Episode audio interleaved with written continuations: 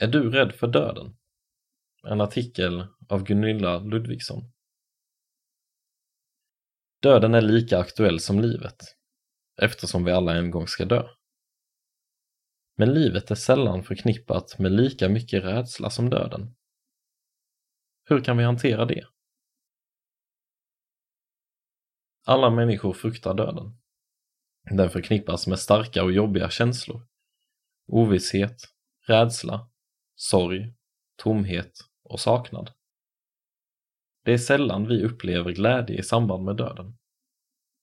Men tänk om det är så att döden faktiskt är en vinst. Vi har ett hopp bortom döden. Den är inte slutstationen, utan istället början på ett nytt liv i evigheten.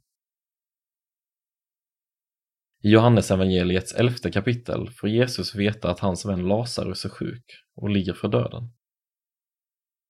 Då säger han Den sjukdomen slutar inte med döden. Den är till Guds ära, för att Guds son ska bli förhärligad genom den. Johannesevangeliet kapitel 11, vers 4. Tänk att Gud kan använda en sjukdom för att hans son ska bli förhärligad. Jag är helt övertygad om att det gäller även idag. Han kan använda vilken situation som helst till sin ära. Kom Jesus för sent?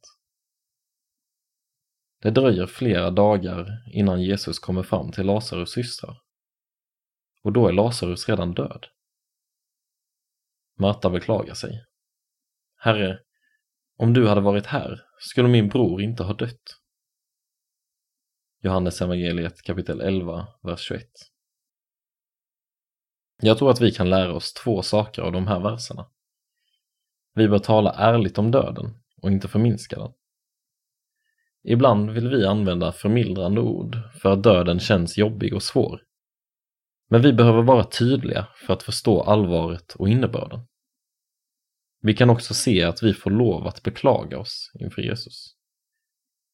Vi får vara besvikna över att vår nära vän inte blev helad från sin sjukdom. Vi får göra som Marta och ifrågasätta varför Jesus kom så sent. För det är så det kan kännas. Jesus kom för sent. Men Jesus kommer också med det underbara svaret. Jag är uppståndelsen och livet. Den som tror på mig ska leva om han än dör. Johannes evangeliet kapitel 11, vers 25. Döden är inte slutstationen, utan livet tar vid efter döden för den som tror på Jesus. Oavsett våra frågor får vi landa i Jesus löfte om en uppståndelse och ett evigt liv bortom döden. Släpp fram smärtan. När Maria kommer ut till Jesus gråter hon. Hon visar sina känslor och Jesus gråter med henne. Känslorna är viktiga. Sorg, ilska, tomhet, saknad. Alla känslor är okej okay och behöver komma fram. Vi kan behöva tid att sörja för oss själva, men också att gråta tillsammans med andra. Det står att många hade kommit för att trösta Marta och Maria i sorgen. Det är värdefullt att ha människor omkring sig som både känner med oss i vår sorg och kan finnas som praktisk hjälp. Vi behöver varandra. Inte minst när vi går igenom svåra tider i livet. Jesus avslutar med att uppväcka Lazarus från döden. Där finns ett löfte som gäller även oss. Jesus kommer att uppväcka alla som tror på honom till evigt liv tillsammans med honom.